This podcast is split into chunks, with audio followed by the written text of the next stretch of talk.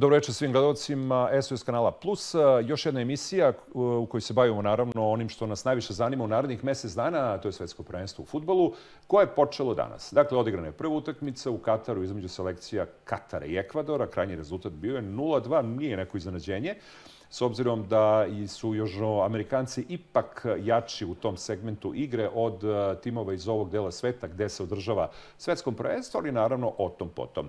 Kao što znate, uvek se trudimo da imamo i goste u studiju, ljudi koji su vezani za sport, za futbal, futbaleri, treneri, novinari, u krajnjoj liniji umetnici, e, a naš večerašnji gost je Dragiša Kovačević. Dobro večer. Veliki pozdrav. Dragiša Kovačević, dugogodišnji novinar i direktor e, Studija B, to je osnivač i e, vlasnik SOS kanala. Dakle, počelo svetsko prvenstvo u futbolu, 22. po redu ove 2022. godine, ako volio se bavim brojima, može da izvuče neke zaključke, iako to vratno nema veze, ali... Od danas, pa narednih 28 dana, svet će živjeti u jednom drugom ritmu. Nek, pre neki dan sam pročitao da trenutno na planeti živi negde oko 8 milijardi ljudi. Čak se rodilo dete 8 milijarditi stanovnik. A 5 milijardi ljudi od večeras, od danas, će svakog dana u više vremenskih termina sedeti ispred malih, malih ekrana. I to je nešto što, ja ako tako mogu kažem, najupečetljiviji podatak kada je u, u pitanju ova velika manifestacija. E, takođe, ima nekoliko još zanimljivosti koje su vezane za ovogodišnje svetsko prvenstvo. Prvi put se ne održava leti, jer se uvek između dve sezone igra e, svetsko prvenstvo. Ovog puta je na početku zime praktično. Prvi put se održava u jednoj azijskoj zemlji na zapadu Azije, dakle jednoj e, muslimanskoj zemlji i očigledno da su ljudi iz Katara uložili mnogo para da bi e, svetsko futbolsko prvenstvo došlo u ovaj deo sveta. Mislim da su oni imali puno razloga za to, za njih to nije bilo skupo, jer su želi na neki način da promovišu i svoju kulturu, tradiciju, naviku, običaj i tako dalje. I mislim da je to, da je to dobro, e, da ceo svet vidi kako se živi u tom delu e, sveta. Također sam pročitao neverovatan podatak prethodno svetsko prvenstvo u Rusiji je koštalo negde oko 11 e, milijardi eura, a, dolara, a ovo će biti negde na 220 milijardi. Tamo je sve novo, napravljeni su novi stadioni koji će se posle svetskog prvenstva demontirati, služiti za neke druge svrhe i tako da. Dakle, mnogo zanimljivosti kada je pitanje ovaj događaj. Jeste, jeste. Međutim, e, domaćini nisu krenuli baš najbolje. Oni su inače e, zvanični azijski šampioni. Naredne godine će biti domaćini azijskog futbolskog prvenstva, ali ovaj put od njih su bili jači ekvadorci. Pa samo da vidimo neke detalje vezane za to koje se postigao golove u ovom prvom meču. Odigrana je i prva utakmica na svetskom prvenstvu u futbalu u grupi A, Katar, Ekvador 0-2. Glavni sudija bio Italijan Sato koji je u trećem minutu meča poništio gol Valencije. Posle intervencije iz VAR sobe, on čak nije to ni proveravao, već je verovao svojim kolegama, s obzirom da je Valencija bio u offside-u, mora se priznati da se to na snimku baš nije najčistije videlo. Međutim, već u 14. minutu meča Gosti su došli u vojstvo od 1 prema 0, a strelac ovog prvog gola koji je postigao iz penala bio je ponovo Ener Valencija, samo što ovaj put gol priznat. Prethodno je Valencija srušen u 16 tercu domaćina svetskog prvenstva. U 30. minutu meča ponovo Ener Valencija sjajno šutira glavom, i sa distance dovodi svoj tim u vojstvo od 2 prema 0. Inače, Valencija se povredio u 43. minutu meča, nastavio igru, ali ipak izašao u 76. minutu utakmice, tako da je igrač Fenerbahča, Ener Valencija, trenutno prva zvezda svetskog prvenstva pošto je postigao već dva gola na otvaranju i u pobedi Ekvadora nad domaćinom Katarom od 2 prema 0. Dakle, domaćini su zaista sjajno organizovali ceremoniju otvaranja ovog svetskog prvenstva, ali su posle toga izgubili sa Dovanom. Očigledno su imali uh, i tremu. Pretpostavljam da ste gledali utakmicu. Dragi Šokačević je naš uh, gost u studiju. Jes, jesam, gledao sam i nije bilo dileme nikakve. Da. Skoro da nismo napravili jedne ili dve šanse domaćini. To se i očekivalo. Tako da to nije neko veliko iznenađenje. Ono što sam još htio da kažem na početku, dakle, iz ugla naše reprezentacije, iz ugla ljudi koji žive u ovoj državi. Također nekoliko zanimljivosti. Ako gledamo e, bivšu državu Jugoslaviju, znači naš najveći uspjeh je bio treće mjesto na prvom svjetskom prvenstvu koje je bilo dosta drugačije, interesantnije zbog toga što je samo 13 država učestvovalo, šest ili četiri iz Evrope. Oni su bili po sistemu, pozvani su, nisu napravili taj rezultat da, nije bio, Da, kvalifikacijni turnir. Tako. E, ozbiljno prvenstvo je bilo 62. godine u Čileu i tu smo bili četvrti i u Italiji kad je bila praktično pred sam raspad države. E sada Srbija, mi čini mi se prvi put sa velikim optimizmom očekujemo ovo prvenstvo. Da li je to realno, to ćemo vidjeti. Ono što mene jedino brine, to je grupa. Dakle, grupa je jako teška. I mi imamo taj prvi korak. Ako budemo to uspjeli da odigramo kako treba, ja gotovo verujem da je to moguće, ne bi bilo iznenađenje da mi zaista ostvarimo jedan od možda najboljih rezultata od kad postoji ova zemlja. Dakle, vidjet ćemo još o tome. Pričat ćemo još kasnije, naravno, o Srbiji, nego kad ste pomenuli e, bivšu zemlju, e, ja sam bio u Licinju pre nekoliko dana i to je organizovana vrlo lepa manifestacija. E, promocija knjige Ivana Gudelja. Bilo je dosta starih igrača, pa da iskoristimo, to jest iskoristili smo njihovo prisustvo i napravili smo najave vezane za ovo svetsko prvenstvo, tako da ćete imati priliku da čujete šta o ovom svetskom prvenstvu konkretno ili kada je Srbija u pitanju, misle Husref Musemić, Radmilo Mihajlović i Milan Petrović, nekadašnji futbaler Hajduka. Počinje svetsko prvenstvo. Šta mislite, ko će bude prvak i šta recimo mislite možda uradi Srbija? Pa ne znam šta, šta će biti. Znate, prvi put se igra u ovom formatu. Sad Detenbak koji ima, čitam po medijima, dosta igrača ima koji su povrijeđeni, koji sve to pitanje koliko oni, ne znam sad baš, da možda ne bude pregrub, da koliko motiva imaju, ne samo reprezentacija Srbije, nego generalno govorim. Generalno, evo, pušćemo vremenu, vrijeme će pokazati šta će biti. Srbija sigurno da ima reprezentaciju da služi svaku pažnju, ima i kvalitet, a znate kako je u futbolu, osim kvaliteta, morate da imate nekad i sreće i da se neke stvari poklope i da nešto napravite. To je, to je uvijek tako bilo i tako će da bude. Pa imamo konačno dobar tim, imamo izbor. Zadnjih godina smo imali probleme u napadu.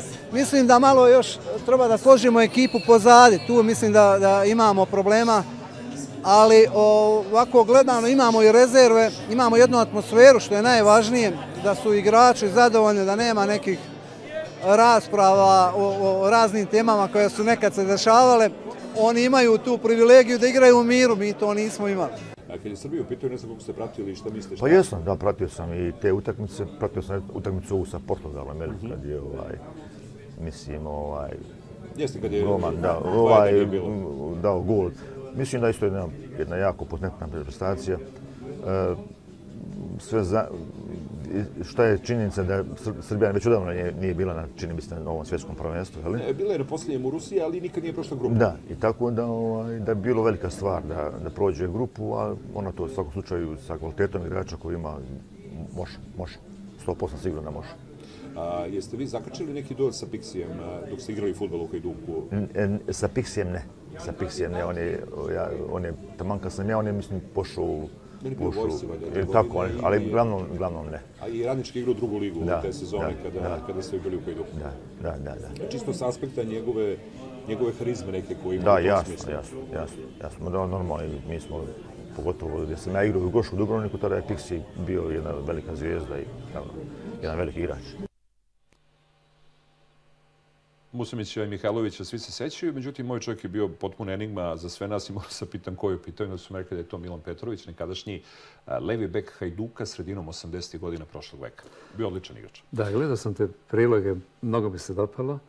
I žao mi što nisam bio dole, jer 90% ovih ljudi ja znam, prolazili su kroz moje emisije. E, Gudelj me juče zvao, on će sutra ili prekstra doći u Beograd, bit će za vreme svjetsko prvenstvo u Berodu i sigurno će biti gosti ovdje. Dakle, Gudel je jedan igrač koji je ostavio ogroman utisak kod svih koji su ga volili. jedan čovjek koji je, ako tako mogu da kažem, omiljen i na ovim prostorima, jako je on Hrvat. Dakle, pokazuje još jedan put da sport može da učini ono što redko koji političar ume. Naravno. Kad je naša prezentacija Srbije u pitanju, što očekujete? Sem, A, rekao mislim, mislim, pardon, mislim da svi očekujemo da prođemo grupu, jer mi smo četvrt, tri puta igrali na svetskim prvenstvima, 2006. 10. 18. i nikad nismo prošli grupu. E, to je tačno, to je tačno. I e, šta je e, gradi optimizam kod svih nas ovde? Dakle, jedna e, dosta dobra atmosfera koja vlada u reprezentaciji. Čini mi se da, pričao sam sa raznim ljudima, pre neki dan sam sa Dujkovićem, bili smo na ručku i dugo smo pričali o tome i konstatovali smo zajedno da odavno nije bila takva atmosfera Ovi igrači koji igraju sada za reprezentaciju Srbije, očigledno da su to e, momci, jako su mladi, veoma zreli i svesni da jedino tako mogu da naprave velike karijere. Mi smo ranije imali fenomenalne igrače, ali su oni dolazili svojim privatnim avionima na okupljanje. Često su vezivani za splavove gde su provodili vreme i tako dalje. Ovo su neki ljudi koji drugačije gledaju na futbal, drugačije gledaju na re- reprezentaciju. Čak su i mediji to drugačije prihvatili. Sećam se ranije, prva pitanja na konferenciji za štampu su bila neka provokativna, ne znam da li si bio na splavu sta, ove starlete i tako dalje. Sada je situacija drugačija. Mislim da je tome doprino Stojković, koji je veoma autoritativan, bio je veliki igrač, dobar trener, pokazao se kao čovjek koji razume, koji voli ovu igru koju je igrala naša reprezentacija i naravno ne smemo biti duboko razočarani ako ne budemo prošli grupu. Ja verujem da ćemo da prođemo, ali moramo se pripremiti i na nešto drugo. Dakle, e, futbol će se igrati i u buduće, bez obzira kakav budemo rezultat napravili. Ali objektivno, objektivno mislim da Srbija ima šanse da prođe drugi krug i da onda e, napravi jednu, jednu uvertiru za nešto što je očekuju narodnim utakmicama. Na ovom svetskom prvenstvu, kao i obično u stvari i na svakom, e, kreće se od grupa A, B, C i D. Dakle, mi igramo tek četvrtog dana ili petog dana, ako računamo ovaj današnji dan kada je odigrana samo jedna utakmica, igramo u četvrtak. A posle utakmice iz grupe A, sledeća koja je na redu, je utakmica iz grupe B, to je susret između Engleske i Irana. Kolegi iz Meridian TV-a su na svom YouTube kanalu napravili vrlo lepe emisije gde su predstavili svaku reprezentaciju, pa ćemo sada da vidimo predstavljanje reprezentacije Engleske i Irana, s obzirom da je ovo utakmica broj 2 na svetskom prvenstvu u Kataru. Good evening, ladies and gentlemen. Danas idemo u Englesku, zemlju poznatu po tome što uvek tera kontru. Voze desnom stranom, štekeri imaju drugačiji ulaz, pivo dolazi u pintama, a dužina se meri u miljama. Ipak, zauvek ćemo im biti zahvalni za najvažniji izum u istoriji čovečanstva. Futbal. Engleska je poznata i po tome što je sa 90% zemalja makar nekada u istoriji imala sukob. Takođe, drže rekordi za najkraći rat u istoriji, koji je trajao svega 38 minuta, sa Zanzibarom davne 1896. godine. Engleska je poznata i po svojim pubovima, kojih, kao što možete videti na slici, ima nenormalno mnogo. Međutim, ono što vjerojatno niste znali, da je zakonom zabranjeno napiti se u pubu. Naša stalna tema nacionalno jelo. Pa šta jedu ti Englezi? Pa pomfit i vibutet kavado. Za one koji nisu gledali kad porastem biću kengur, u pitanju je naravno fish and chips. Nacionalno jelo engleski. Međutim, neki kažu da je Indian tikka masala danas zapravo nacionalno jelo engleske, iako korene vuče naravno iz Indije. Što se tiče reprezentacije engleske, oni su trenutno po specijalnim sajtovima najvrednija reprezentacija sveta i vrednost njihovih igrača iznosi milijardu i 290 miliona evra. Nadimak ove reprezentacije je Three Lions ili ti Tri Lava, a najbolji igrači su, pa odakle da počnemo, Verovatno da je najbolji Harry Kane, koji ujedno važi i za prvog favorita za najboljeg strelca svetskog prvenstva. Naime, kvota je svega 7.69 da će upravo Harry Kane biti najbolji strelac, a pored njega tu su i Sterling, Phil Foden, Trent Alexander-Arnold i mnogi drugi premier ligaški asovi. U grupi u kvalifikacijama za svetsko prvenstvo su bili ubedljivo i suvereno prvi. Takođe, igrali su i finale evropskog prvenstva, Međutim, nedavno smo imali, tako reći, Troubles in Paradise, kada ih je na njihovom terenu reprezentacija Mađarske u Ligi nacija ponizila. Ubedljivo najteži poraz na domaćem terenu 0-4.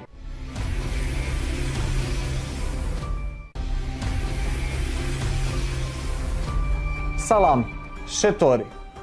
Danas idemo u jugozapadnu Aziju, u Iran, koji broji 84 miliona stanovnika. Što je negde otprilike koliko i Turska. Ono što je interesantno je da Iranci ne govore arapskim, već persijskim jezikom i da oni etnički nisu Arapi, već Persijanci. Najpoznatiji Iranci su, ako tako ih možemo nazvati, Darius Veliki i Xerx, široj javnosti poznati po hollywoodskom blockbusteru 300. A Iranci će dakle na utakmici protiv SAD-a imati priliku da kolegama, reprezentativcima Amerike i uživo kažu šta misle o ovom hollywoodskom ostvarenju. Iranci imaju i svoj kalendar koji počinje prvog dana proleća. Prvih šest meseci traje 31 dan, sledećih pet meseci 30 dana, a poslednji mesec 29 dana. Pa delo je negde možda i jednostavnije nego da stalno moramo da brojimo 31, 29, 37, 30. U Iranu je pokazivanje palca na gore prilično uvredljiva stvar jako, jako, kao da ste, na primer, pokazali srednji prst, a ne palac. Biće veoma čudno ako im Englezi ili Amerikanci na utakmicama budu rekli It's okay, my friend, everything very good. Nacionalno jelo Irana je gormeh sabzi. To je neka čorba sa povrćem i nekim specijalnim biljkama. Oni koji su probali kažu da je ukus veoma teško zaboraviti, a na vama je da procenite da li je to dobro ili loše. Vrednost iranskog tima je 73 miliona evra. Slabiji u ovoj grupi, međutim, nije ni to zanemarljivo. Nadimak ovog tima je Tim Meli, što možda zvuči ovako simpatično, ali u bukvalnom prevodu znači nacionalni tim. Ipak, trudili su se tokom godina da smisle i neke malo efektnije nadimke. Persijski lavovi, persijske zvezde. Čak su 2011. na Azijskom kupu imali i nadimak Prinčevi Persije. Udarne igle su Azmun iz Leverkusena i Taremi iz Sporta. Njih dvojica vrede ukupno više nego svi ostali 20 igrača zajedno. Definitivno da Iran ima ubitačan napad, ali da li će im to biti dovoljno za neki ozbiljniji rezultat na svetskom prvenstvu? Bili su prvi u kvalifikacijonoj grupi i ostavili su iza sebe neke od prilično nezgodnih i futbolski tradicionalno jakih zemalja, kao što je recimo Južna Koreja. Zatim iza njih su bili Ujedinjeni Arapski Emirati, Sirija, Liban i tako dalje. Kvota da će Iran osvojiti svetsko prvenstvo je čak 750, čime spadaju u grupu timova kojima se daju najmanje šanse. Da će biti prvi u grupi kvota je preko 16, a da će proći grupu oko 4,5. Nalaze se u grupi B sa Engleskom, Velsom i Sjedinjenim američkim državama.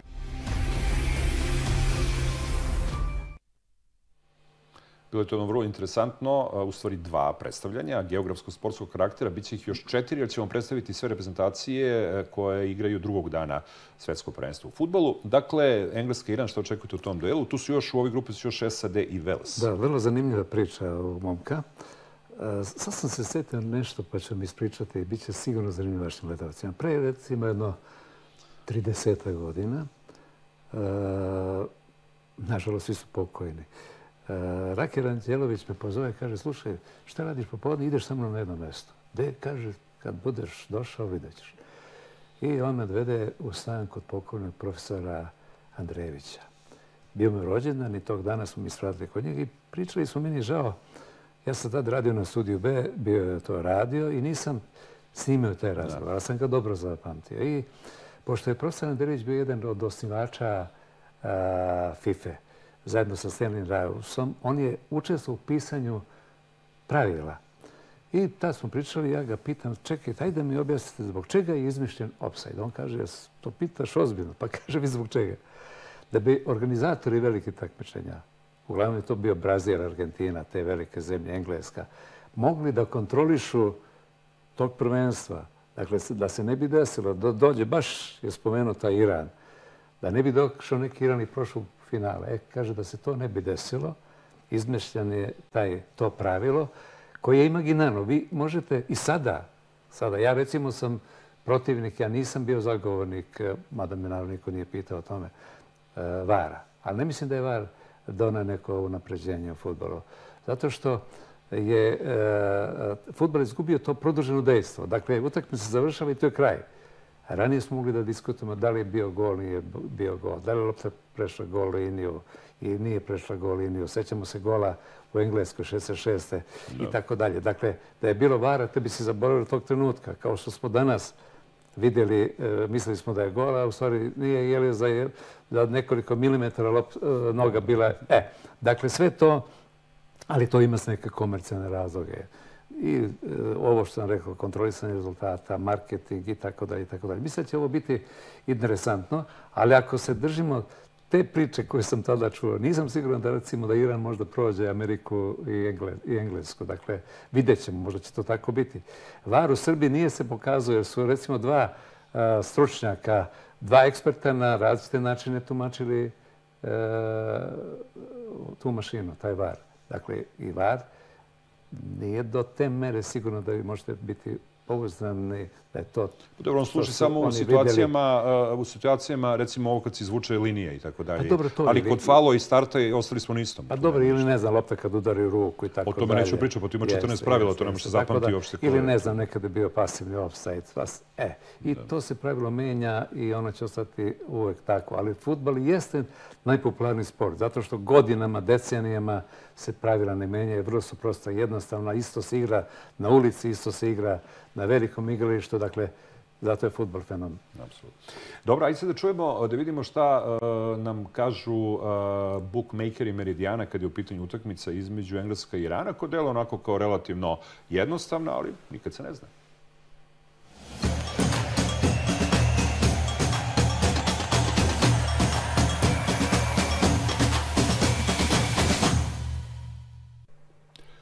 Druga utakmica svetskog prvenstva u Kataru je susret grupe B. Engleska-Iran, utakmica koja se igra 21. novembra od 14 sati. Prvog dana igran je samo jedan susret između Katara i Ekvadora, a već drugog dana na programu su samo tri utakmice. Narednih dana biće odigrane sve četiri, pošto ovo četvrta igrana kao otvaranje svetskog prvenstva. Da vidimo šta sve nudi Meridijan kada su kvote igre u pitanju. Sa nama je Goran Karaga. Gorane, dobar dan. Dobar dan. Engleska Iran na početku sve to deluje onako kao da je Engleska apsolutni favorit. Da li je zaista tako? Da, slažem se sa vama. Ja mislim da je apsolutni favorit i očekujem čak i malo veću razliku u ovom meču. Um, šta bi bilo interesantno za igrače? Igre gde će, gde će Englezi pobediti eventualno bez primljenog gola. To je takozvana igra KCNG. Ono što bih ja lično odigrao je uh, igra iz, iz Kecu, Kec 3+. Plus. Znači da će Englezi povesti i na polovremenu i da će pobediti na kraju, da će na meču biti minimum 3, 3 plus golova. Tako da oni ljudi koji, koji misle koji ovaj, navijaju za Englesku mogu da odigraju isto igre vezane tipa dupla pobjeda, isto vezane za polovremena. Mogu da igraju tačne rezultate, što je jako, jako interesantno za, za mečeve gde, gde je neko izrazi favorit, recimo da će Englezi pobediti sa 3-0 ili sa 4-0. Tako da u principu to su neke igre kad je ovako izrazi favorit u pitanju interesantno. A, koliki su kvote kada su pitaju tačne rezultate? Su one standardne ili... A, evo recimo 3-0 na ovom meču je 6.80, 4-0 je 13. To je onako recimo za dva lepa singla ukoliko nekoj proceni da to može da, da, da, da doće. U principu ove sve igre o kojima pričamo igraju se kao singlovi. E, ne bi loše samo na početku da kažemo šta se može se vezuje? Što se tiče meča, može apsolutno sve. Da. Što se tiče meča, apsolutno sve. Specijali imaju određene, određene ograničenja i e, što se tiče grupa, na specijali isto mogu sve. Znači, pobednik grupe A, grupe B, grupe C, znači dve ekipe iz grupe A idu su te, dve, dve ekipe iz grupe B su te, to, to sve može se vežiti. E, ne mogu da se vezuju tač, najbolji strelac prvenstva, pobednik prvenstva, uh, najbolji strelac reprezentacije igre tog tipa. One, one su isključivo u singlu. Šta beše, rekao smo koliko je kec na englesku? 1.40. 1.40, a dvojka na Iran? U, to je negde preko 12. ne znam šta da mislim, Englezi deluju jako moćno, ali... Hm. Oni su kao svake godine, mislim, zaista imaju tim za respekt, imaju, odlično su popunjeni na svim pozicijama i mladi su, o, imaju jednog vrhunskog centarfora koji je gladan trofeja, on, očigledno ako ne promeni tim, teško da će doći do trofeja. Šta će Mačani Kej, ne može da uzme ništa. Jest, jest. Ali mislim, imaju odličnu ekipu, vezni red, fantastičan. Ja lično volim njihov futbal i rekao sam i u prošloj emisiji isto da nada se će Foden ono, napred iskorak na ovom prvenstvu. Ako bude igra uopšte? Mislim da hoće. Jel tu je on, tu je Sterling, ima Mount, vidit ćemo od koga će da, sve da, tako da, je. Saka, Grealish, da, on, i Jude Bellingham, oni su, oni su zaista imaju... Po imenima sjajno. Po imenima sjajno izgled, da. Eto, dakle, čuli ste kako su naše predviđenja vezano za utakmicu između Engleske i Irana. Deluje da je Engleska, Engleska apsolutni favorit. Da li će to biti? Ostaje da se vidi, ali nije loše da odigrate nešto i da vam da. ovo svetsko prvenstvo bude zabavnije.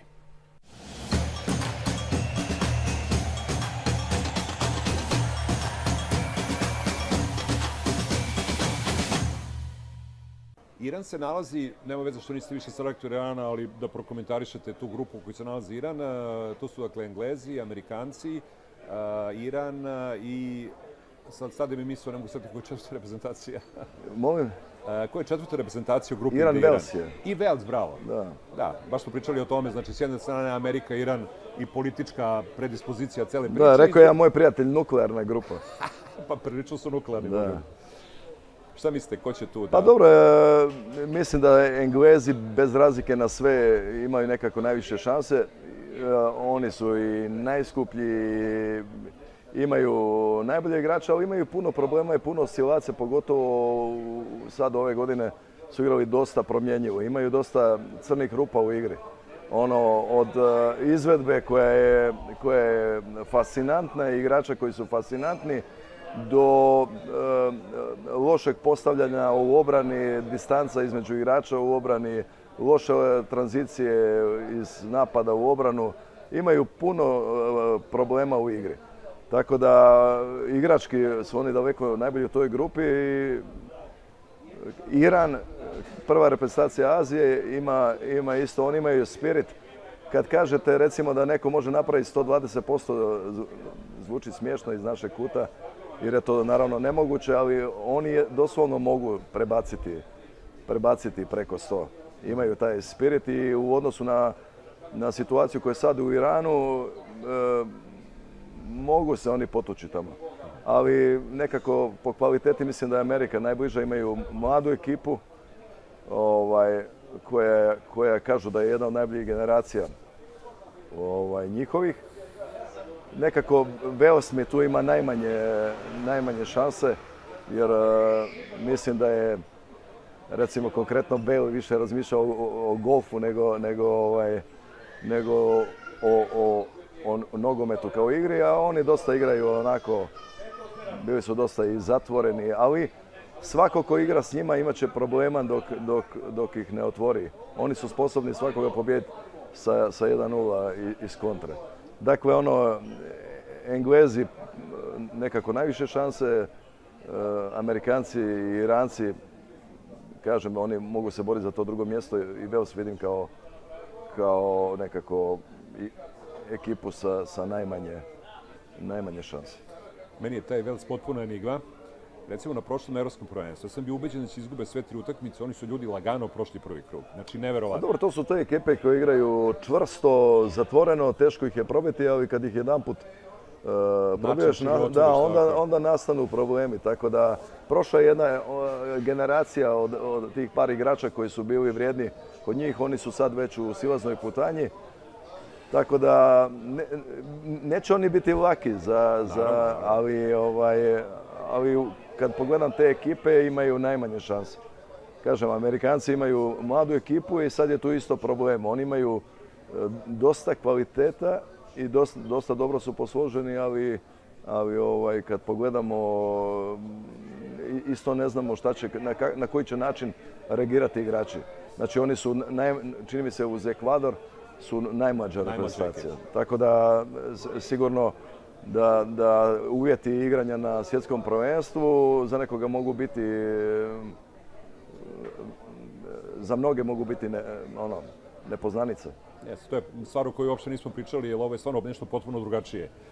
Imajući u vidu i mesto gde se igra, i, tempera, i temperatura, i vreme, i tako dalje, i tako Pa dalje. dobro, do, sve tu postoje neka... E, sad je problem ovog svjetskog prvenstva što je jako malo vremena za pripremu, tako da je to je, to je jednostavno filozofija trenera, e, poznaju igrače, ali ne- nema, nema vremena za neka uigravanja, za neku bolju pripremu i onaj rad na terenu izostaje. Znači tu trebaš imati filozofiju kako ćeš igrat i važno je doći na ovo svjetsko prvenstvo da svi dođu, vi- vidimo da ima puno ozljeda i da, da svi dolaze ovaj, bez nekih igrača koji su vrlo važni, a to je možda i najvažnije. Ipak igrači, igrači e, su oni koji odlučuju u nogometnoj igri.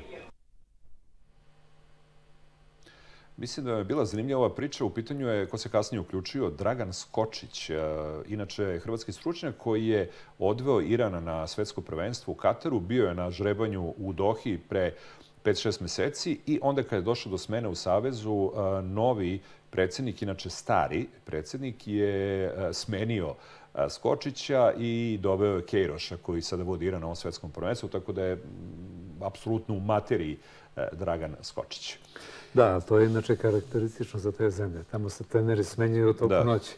Pa evo, Halikođić je najbolji primjer. Baš smo da, pričali s Hadži Begićem na tu temu, da. pošto je Halikođić odveo uh, Maroko na svetsko prvenstvo, pa, da. pa su ga smenili. Ali Halikođić to nije prvi put.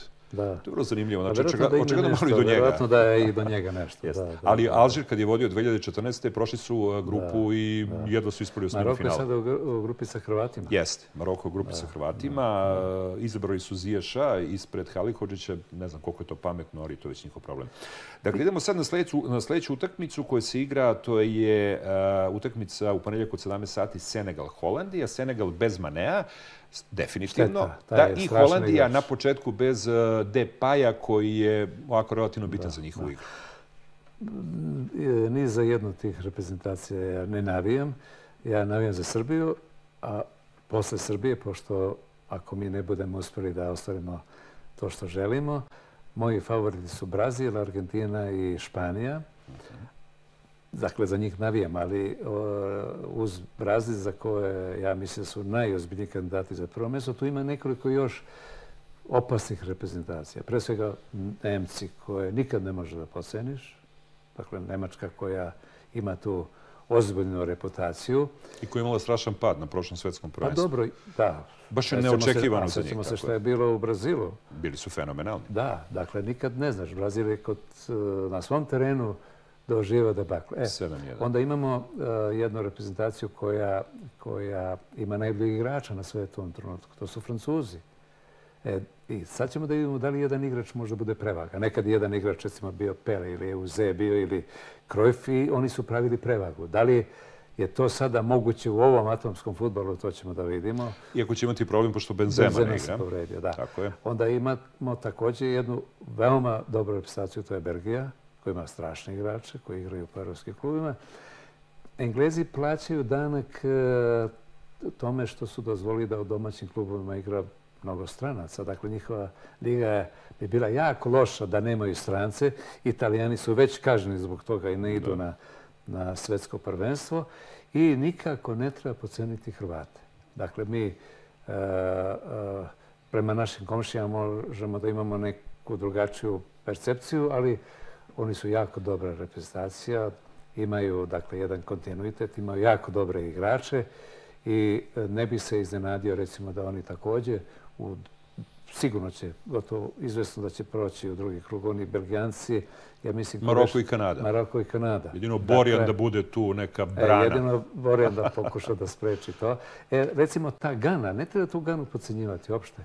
Od tih e, klubova sa tog kontinenta, Gana može da bude vrlo ozbiljan, ozbiljan rival svima. Dakle, to je po meni grupa a, favorita. Ne verujem da Englezi mogu da urade bilo šta, valjda će proći u, drugu. Ne, ja bih volio da ispadnu i, i Englezi i Amerikanci, ako je to moguće da prođe Iran. Da. Ne znam da li je to izvodljivo, ali to je moja želja. Pa dobro. Da. Dobro. U svakom slučaju, dakle, rekao smo već sljedeća utakmica, to je druga koja se igra u programu od eh, ponedjeljka, je duel između Senegala i Holandije. Dakle, da sada predstavimo obe reprezentacije i da vidimo kako su kvote na ovaj meč. Bonjour!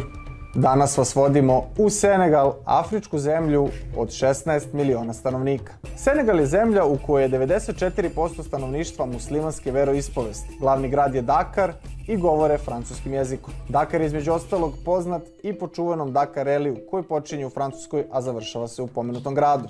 Nacionalno jelo je tibudini, riba, pirinač, povrće, poneki začini. Mislim da deluje dosta ukusnije nego nacionalno jelo Ekvadora. A najpoznatiji Senegalac ipak nije Sadio Mane kao što bi mnogi pomislili, već popularni pevač Akon, koji vodi poreklo iz Senegala i čak je obećavao da će sagraditi svoj grad u Senegalu. Do tog projekta nikada nije došlo, ali nikada i nije kasno. Prosečna Senegalka rodi čak petoro dece, te ne čudi što je čak 60% stanovništva mlađe od 20 godina. Nepismenost je u Senegalu nažalost velika, te su tek svaki drugi muškarac i svaka treća žena pismeni. Futbolska reprezentacija Senegala nosi nadimak Les Lions de Terenga, što znači u bukvalnom prevodu lavovi gostoprimstva. Ipak, lavovi gostoprimstva i nisu bili tako dobri domaćini kada su izbacili Egipat u kvalifikacijama i time se direktno plasirali na svetsko prvenstvo u Kataru. Vrednost ove reprezentacije je 297 miliona evra, a neki od najpoznatijih futbolera su Mendy, Golman, Kulibali, Sadio Mane, nedavno prešao iz Liverpoola u Bayern iz Minhena. Sadio Mane je inače poznat i po svom humanitarnom radu, kao momak koji pomaže lokalnu zajednicu, gradi bolnice, škole, pa na neki način i plaća prosečne plate stanovnicima svoga sela. I za kraj da vidimo koje su šanse Senegala na svetskom prvenstvu u Kataru. Meridian kvote kažu da je kvota za osvajanje čak 80, da će proći grupu 1,7, a da će biti pobednici ove grupe 5,5.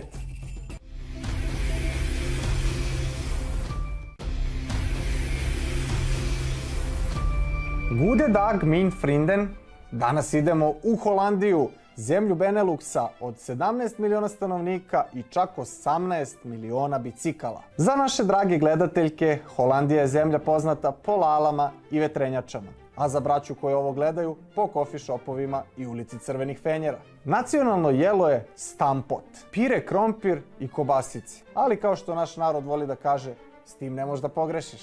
Puno je poznatih eh, Holandjana, ali jedan se ističe među drugima, Van Gogh, veliki umetnik. Reprezentacija Holandije je 2010. bila druga, 2014. treće plasirana na svetskom prvenstvu, dok su 2018 preskočili. Došlo je do smene generacija, sada duvaju neki novi vetrovi, te reprezentacija Holandije ponovo deluje vrlo opasno i vrlo moćno. Od igrača imamo Van Dijka, Matijasa Delihta, Frenkija de Jonga, pa i Memfisa Depaja koji se u klubovima možda i ne snalazi, ali u reprezentaciji je kao naš Mitrović. Holandija je zemlja slobode, za razliku od Katara, te će biti interesantno videti sudar te dve diametralno suprotne kulture. A pored Katara, Holandija se nalazi u grupi sa Senegalom i Ekvadorom. Meridian Bet kvote kažu da je Holandija osmi favorit za osvajanje svetskog prvenstva sa kvotom 13.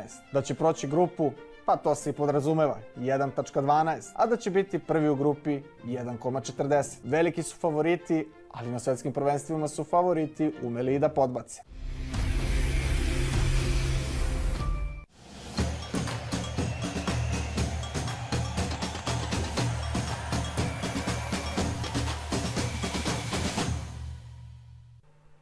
Druga utakmica grupe A na ovom svetskom prvenstvu je duel između reprezentacije Senegala i Holandije. Rekao smo već, pošto je Katar tu, automatski svi sad misle da će imati neke šanse da eventualno proću dalje. Da li će tako biti ili ne, to ćemo naravno vidjeti u utakmicama koje slede.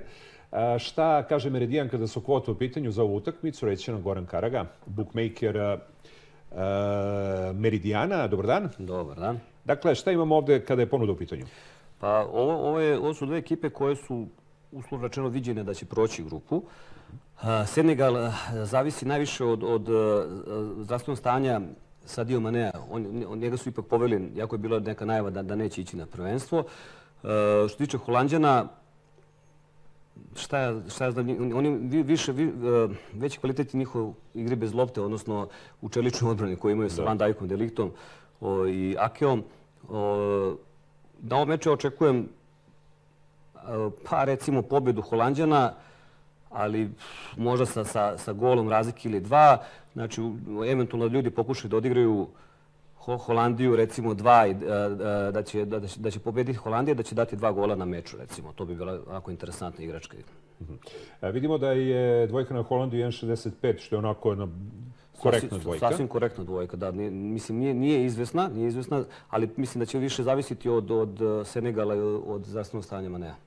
Pa kako su te stvari, on teško da će igra na toj prvoj utakmici? Jasno, ta, ta, to su neke informacije koje su došle do mene. Da, ali to ćemo da vidimo. Naravno, nikad se ne zna, mnogi kriju uh, sistem, naravno. Da. Prva situacija, recimo, s našim igračima, mi zaista ne znamo, i što je potpuno logično, što ne znamo u kakvoj su oni zdravstvenoj situaciji. Povređeni su i Mitrović i Vlaković, yes. vidjet ćemo kako će se razvijati situacija uh, po tom pitanju, da li će biti spremni da igraju ili ne, ali u svakom slučaju sve reprezentacije kalkulišu uh, kada je to u pitanju. Uvek je zanimljiva igra golova, Tako Šta tu je. imamo kada je u pitanju ovaj susret između Senegala Ode, i... Ovaj meč isto bliži od 0 do 2 gola nego, nego uh, 3+. Plus. Možda će biti interesantno igračima da odigraju eventualno neke duple opklade. Mi imamo veliki rast duplih opklada gde može eventualno, ako nisu sigurni u pobedu Holandije, da odigraju nešto vezano e, za duplu šansu x2 i recimo 2 plus ili x2 i 2 do 4 gola. Meni na ovom meču je, mislim da će, da će doći do dva gola i da će Holandija biti ta ekipa koja će ih postići. Moram priznam da gledajući Afrički kup gde su toliko teško padali golovi, Jest dosta čudno su igrali svi ti Afrikanci. Očigledno da ne igraju isto kad igraju u evropskim klubovima gdje ima mnogo više kvalitetnih igrača. Tako da nas baš zanima da vidimo da li će oni igrati onako stegnuto i čvrsto, što bi se reklo, i po tom pitanju vidjet ćemo da li će biti. Možda ako ih neko otvori na početku da to bude golade, ali... Zavisi, mi mislim da će Senegal isto igrati u ovaj meč bukvalno da, da, da ne primi go. Da će oni svoju šansu tražiti u utakmicama protiv Ekvadora i protiv Katara kad se setim Senegala 2002. godine kad su dobili Francuzi 1-0, ali sa Fadigom i sa onom ekipom igrali su tada sjajno, naravno. Čak su stigli do četvrtog finala svetskog prvenstva. Dakle, to je bila druga utakmica, kvote za drugu utakmicu ovog svetskog prvenstva, duel između selekcija Senegala i Holandije.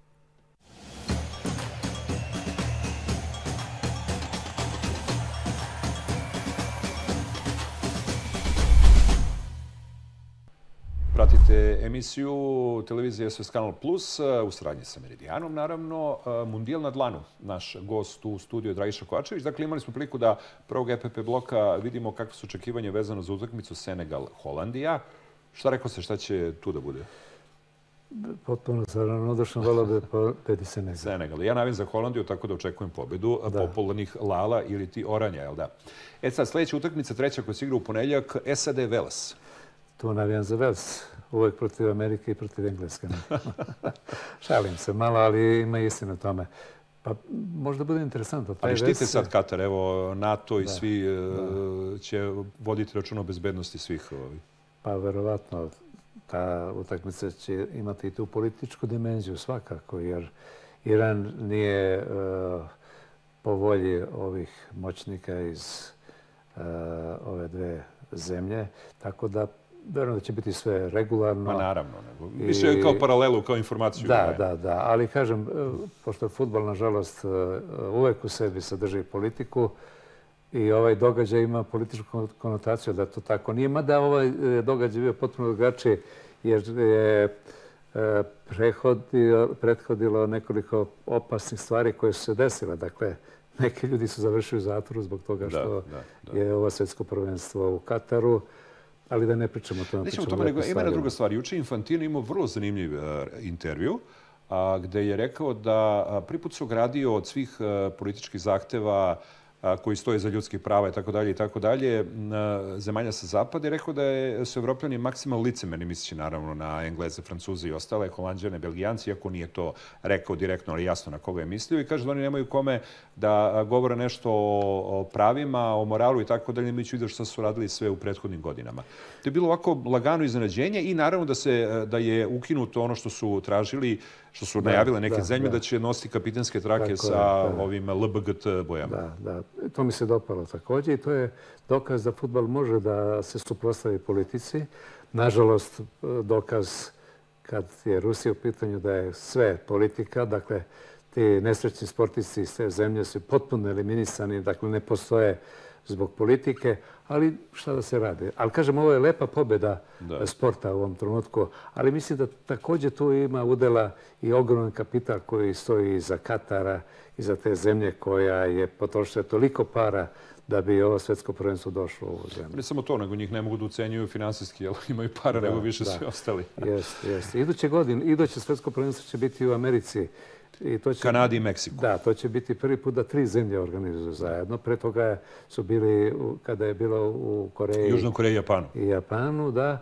I ovo je sad događaj, zaista jedan atraktivan događaj. Mislim da će futbal oživeti i na ovom kontinentu dole, bez obzira na to što e, Katar e, nema potrebe za ovom infrastrukturom koja je napravljena. To smo već rekli.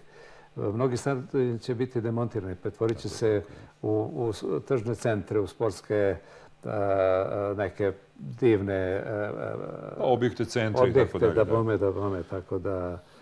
Ali, ali je lepo što se održava u, u Persijskom zalivu ovaj događaj. Dobro, malo za promene, ali tako? Da. A ovaj termin u novembru, tu se mnogi smatruju da je to nije u redu, zato što su igrači ne znam, kao povređivaće se, a mnogi smatraju da u redu. Ja mislim baš da u redu, jer dolaze direktno iz, iz šampionata. Da. šampionata. Da. Na kraju godine su izmrcavljeni. Da, mislim samo dalje. dvojica vrhunskih igrača, najboljih igrača neće biti na ovom prvenstvu. To je ovaj iz Egipta, Salah, Salah i ovaj Norvežan. Haaland. Moguće da. imaš neko, nego sa u trenutku su nam te dve zemlje pala na pamet. Dobro, sad ovaj koji je povređen. Tako je, tako je. Tako. Ali recimo svetsko prvenstvo uvek izbaci nekog igrača. Znamo da je to takmičenje koje uvek izrodi neko veliko ime. Fino je da igraju i Messi i Ronaldo i ovaj Mbappe koji sada nadolazi. Vidjet ćemo da li će od njih trojice neko biti taj ko će... Bilo bi divno recimo da bude kao što je bilo 62. u Čilu, da mi budemo četvrti. Šek je bio u idealnom timu svetskog prvenstva, da neki naš igrač bude u idealnom timu, da mi budemo četvrti. Ja bi bio veoma zadovoljan kad bi to tako bilo. Bilo bi lepo. E sad da vidimo ovako, dakle, treći susret e, u ponedljak uveče igra se od 20 sati. To je duel između SAD-a i Velsa. Predstavljanje, opet geografsko-sportsko, obe reprezentacije da vidimo šta kladionica očekuje od ovog meča. What's up, bro? How you doing? Danas idemo u Sjedinjene američke države, na kontinent Severna Amerika. Ono što je malo poznato da na federalnom nivou zvanični jezik zapravo i nije engleski. Na federalnom nivou zvaničnog jezika nema, a državama je dozvoljeno da, dozvoljeno da same biraju s kojim jezikom žele da govore. Mnoge od njih nikada zvanično nisu ni uvele neki jezik, neke su i dvojezične, imamo engleski, španski, engleski, havajski, i tako dalje. Da li ste znali da se New York prvobitno zvao New Amsterdam? I tako je bilo sve do kraja 17. veka, kada je grupa Engleza podpomognuta Dukom iz Jorka osvojila ovaj grad od Holandjana. U znak zahvalnosti za pomoć Duku iz Jorka, ovaj grad je poneo naziv koji i dan danas stoji, New York. Biti predsjednik Amerike je po nekim statistikama najopasniji posao na svetu.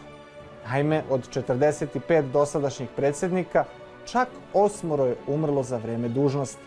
Od toga je četvoro ubijeno. Gde dolazimo do podatka da 18% ili maltene svaki peti čovek koji se bavi ovim poslom skonča na dužnosti. U Americi je na snazi jedan, pa ostatku sveta, vrlo neshvatljiv imperial metric sistem. Jedna milja je 1,6 km, Jedna inča je 2,5 cm, jedna stopa je 30 cm, pound je 454 grama, a 0 stepeni Celzijusa je 32 Fahrenheita. I sada vas ja pitam koliko je 100 drama na 7 dana? Sjedinjene američke države broje 330 miliona stanovnika. Najpoznatija osoba je prema anketama do nedavno bio bivši predsjednik Barack Obama, ali nakon tog čuvenog suđenja koje je bilo praćeno u celom svetu i širom Amerike, po statistikama je trenutno najpopularniji naš drug Johnny Depp. Kada govorimo o nacionalnom jelu, jako je teško proceniti s obzirom da je pizza italijanska, kineska hrana je kineska hrana, ali verovatno je nacionalno jelo Amerike zapravo hamburger. Futbolska reprezentacija SAD-a vredi 212 miliona. Najpoznatiji igrač je definitivno Kristijan Pulišić, ali tu su i McKenzie iz Juventusa i tandem iz Lica, Tyler Adams i Brandon Aronson. SAD se u kvalifikacijama i nisu proslavili. Ispred njih su se našli i Meksiko i Kanada kao prvoplasirana, dok su oni na deobi trećeg mesta bili sa Costa Rikom. Ipak, zbog bolje gol razlike, direktno su se plasirali na svetsko prvenstvo, dok je Costa Rika svoju sreću morala da traži u play-offu. SAD se nalaze u grupi B sa Engleskom, Iranom i Velsom, a meridijan kvote kažu sledeće. SAD kao osvajač svetskog prvenstva, kvota 102, nije nemoguće. Kvota da prolaze grupu je 2, znači negde 50-50%. A kvota da će biti prvi u ovoj grupi 6,53.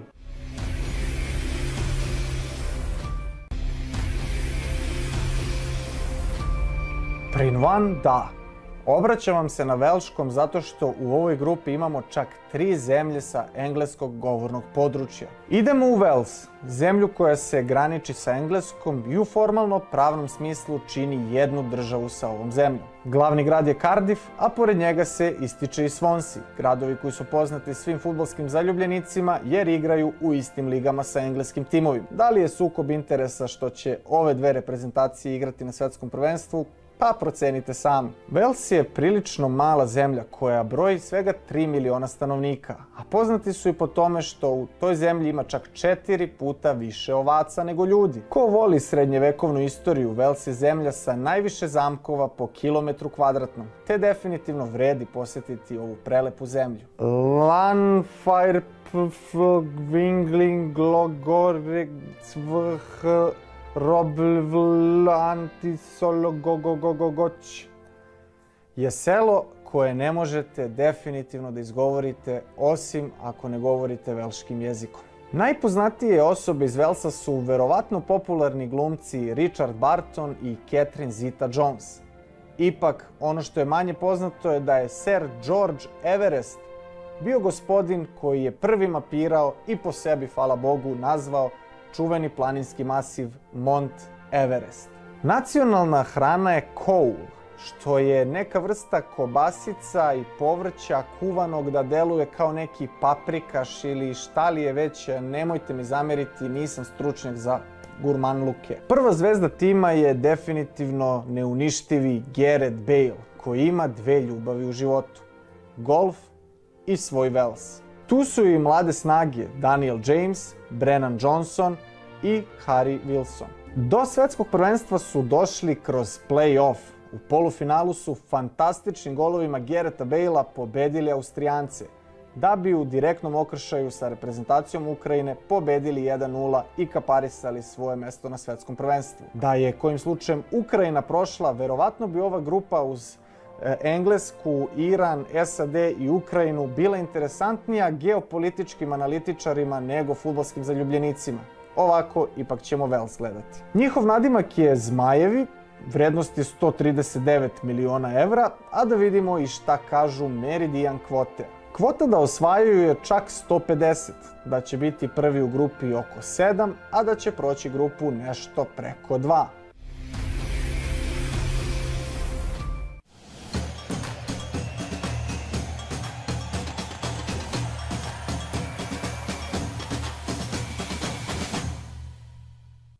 Drugi susret e, grupe B je duel između dve reprezentacije koje se kotiraju, pa tu negde je gal, reklo bi se, u pitanju su SAD i Vels.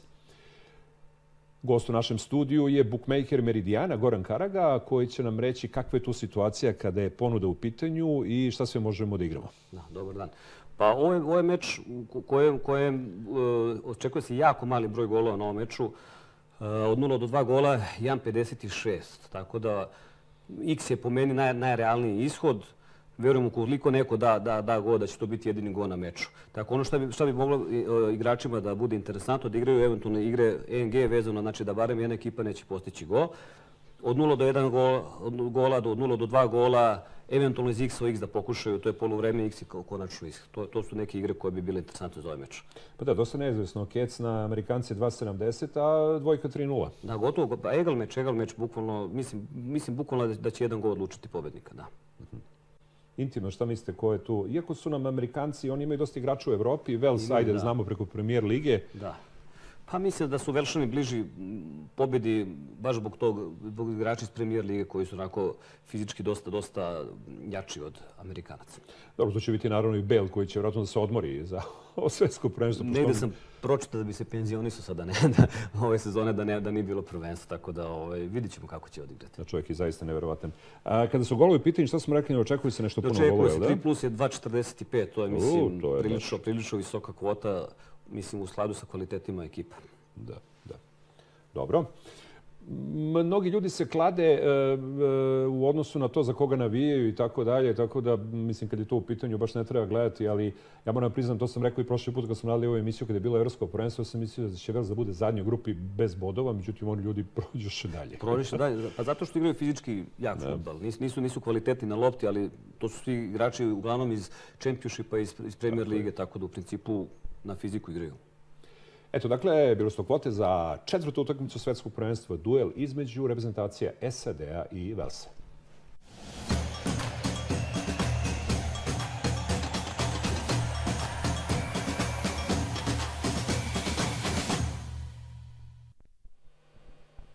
Eto, dakle, videli smo najavu sve tri utakmice koje se igraju u ponedeljak. Dakle, ovo posljednja SAD Vels, što očekujete tu? Pobedit će Vels. Da. Vels je na prošlom evropskom prvenstvu stalno pričamo, oni su delovali onako kilavo, međutim prođoše bez ikakvih problema prvi krug. Baš su čudna reprezentacija, uključujući i Bela koji rekreativno igra futbol, ali kada igra, igra odlično. Za igra dobro. Tako uvek, je, tako, uvek tako dobro je. za reprezentaciju. On je na kraju karijere jedan veliki igrač i veliku karijeru napravio. Šteta što u Realu nije pokazao to što može, ali ne može, to je dokaz da ne možeš baš da kad dođeš u neku sredinu kao što je Real, da da. Ali dobro, ali on je sa Realom osvojio sve što je mogao da osvoji to više puta. Jest, jest. I čak je bio odlučujući u nekim mečima. I da. kritikuje ga najviše zato što nije naučio španski posle 10 godina života dole. očigledno to pokazuje koliko ga zanimaju te neke druge stvari. Mm. Ali ta atmosfera reprezentacije je jako bitna, to smo pominjali kada je Srbija u pitanju i jako je bitno što će ovaj put uh, celo takmičenje moći da se gleda na RTS-u i će biti mnogo veće zanimanje ljudi. Naravno, će moći svi da gledaju u krajnjoj liniji, nego da je bilo podeljeno po da, to je jako principu. Mi smo ranih godina i kvalifikacije nažalost gledali na nekim kablovskim televizijama i to je značajno uticalo na popularnost futbala. Meni je najžalije, recimo, Čak sam i neke tekstove o tome objavio u raznim e, medijima, da je e, Mitrović postao najbolji strelac svih vremena, a da to gledalci u Srbiji nisu videli. Dakle, nisu videli njegove golove. Pa, e, deo je video, ali nisu svi videli. Pa, vrlo malo. Znači, 30% ljudi je videlo, 80% nije. I te najvažnije utakmice reprezentacije mi nismo, oni koji nisu imali tu kabelsku televiziju, nisu mogli da gledaju, ali to je značajan jedan iskorak i mislim da će buduće uvek stadion kad se igra psacija u Srbiji biti pun, jer je to velika propaganda kada na nacionalnoj televiziji možete da gledate reprezentaciju. Apsolutno. E sad ovako da još jedan put sad da rekapituliramo cele stvari, da vidimo koje se sve utakmice igraju u ponedeljak 21. novembra prvog dana svetskog prvenstva u futbolu odigrana je samo jedna utakmica, duel između Katara i Ekvadora, ali se zato drugog dana igraju tri utakmice. Inače, u ovom prvom krugu dnevno će biti odigrane četiri utakmice, međutim, pošto je otvaranje bilo izdvojeno kao utakmica za jedan dan, u ponedeljak 21. novembra na programu su tri meča. Od 14 časova sastaju se reprezentacije Engleske i Irana. To je prva utakmica grupe B. Od 17 časova snage će odmeriti Senegal i Holandija kao meč prvog kola i to drugi susret grupe A. Posljednja utakmica u ponedeljak 21. novembra na programu je od 20 sati. Sastaju se SAD i Wales, susret koji bi po nekim procenama trebalo da odluče o tome ko će biti drugi u grupi, iako nikako ne treba pocenjivati i selekciju Irana. Eto, bit će zanimljivih utakmica. Tek je počelo svetsko prvenstvo, polako se sve zahuktava. Gost u našem studiju je dugogodišnji novinar i direktor Studija B, to jest osnivač i nekadašnji vlasnik SOS kanala Plus. Tada je bio SOS kanal, sada je SOS kanal Plus. Dragiša Kovačević, šta trenutno radite? Trenutno sam, ako što kažu, penzioner u dobroj formi. Od večeras pa narednih 28 dana imam raspored, gledat ću sve utakmice. U pauzama, pošto stanem bližu parka u Šumicama, šetat ću svojih 5 km. U pauzama između ovih utakmica, gledat ću sve utakmice. Radim još jednu zanimljivu stvar. Ja sam svoje vremeno uh, objavio više izdanja knjige Večiti derbi i sada praktično završavam još jednu knjigu. Zvaće se Derbi u kafani autokomanda. To je jedna romansirana priča o derbiju, o dvojici navijača. Jedan je policajac, on je zvezaš, ovaj drugi je zastavnik prve klase. Oni sede u nekafani koji drži navijač Čofaka Dorada i tu su razni događaji koji su obeležili ovih 75 godina Zvezdi Partizana. E, ova knjiga će biti zanimljiva zato što će ona biti scenario za pozorišnu predstavu, a kasnije i za televizijsku seriju. Derbi zaista neisapna tema ali ovih narednih mjesec dana bavit ćemo se prvenstveno reprezentacijom. Dakle, šta rekao smo, može polufinale, je li tako? E, može polufinale. Ja sam rekao, volio bi da budemo prvaci sve tako je to moguće. Ako ne, neka ispred nas budu Brazil, eventualno Argentina ili možda Španija. A jedan od naših igrača neka bude u timu sveta i to bi bilo divno da ovu godinu završimo na tako lep i spektakularan način. Očekujemo da i naši klubovi, Zvezda i Partizan, nastave da igraju dobro i da prvenstvo bude regularno. Nadam se dakle, da ćemo svi uživati i da će naša reprezentacija nam prirediti veliko zadovoljstvo. Tako, svi očekujemo to, svi se nadamo, zato i služi svetsko prvenstvo, se nadamo, pa vidjet ćemo šta bude bilo, valja ćemo sada prvi put e, kao Srbija proći grupu. U svakom slučaju želimo ovom prilikom i da pozdravimo sve gledalce širom Srbije s obzirom da ovu emisiju emituje ili reemituje više od 50 televizija od a, severa pa do juga naše zemlje. Dakle, bio je to Mundijal u Kataru, ostanite dalje uz program televizije SOS Kanal Plus. Prijetno!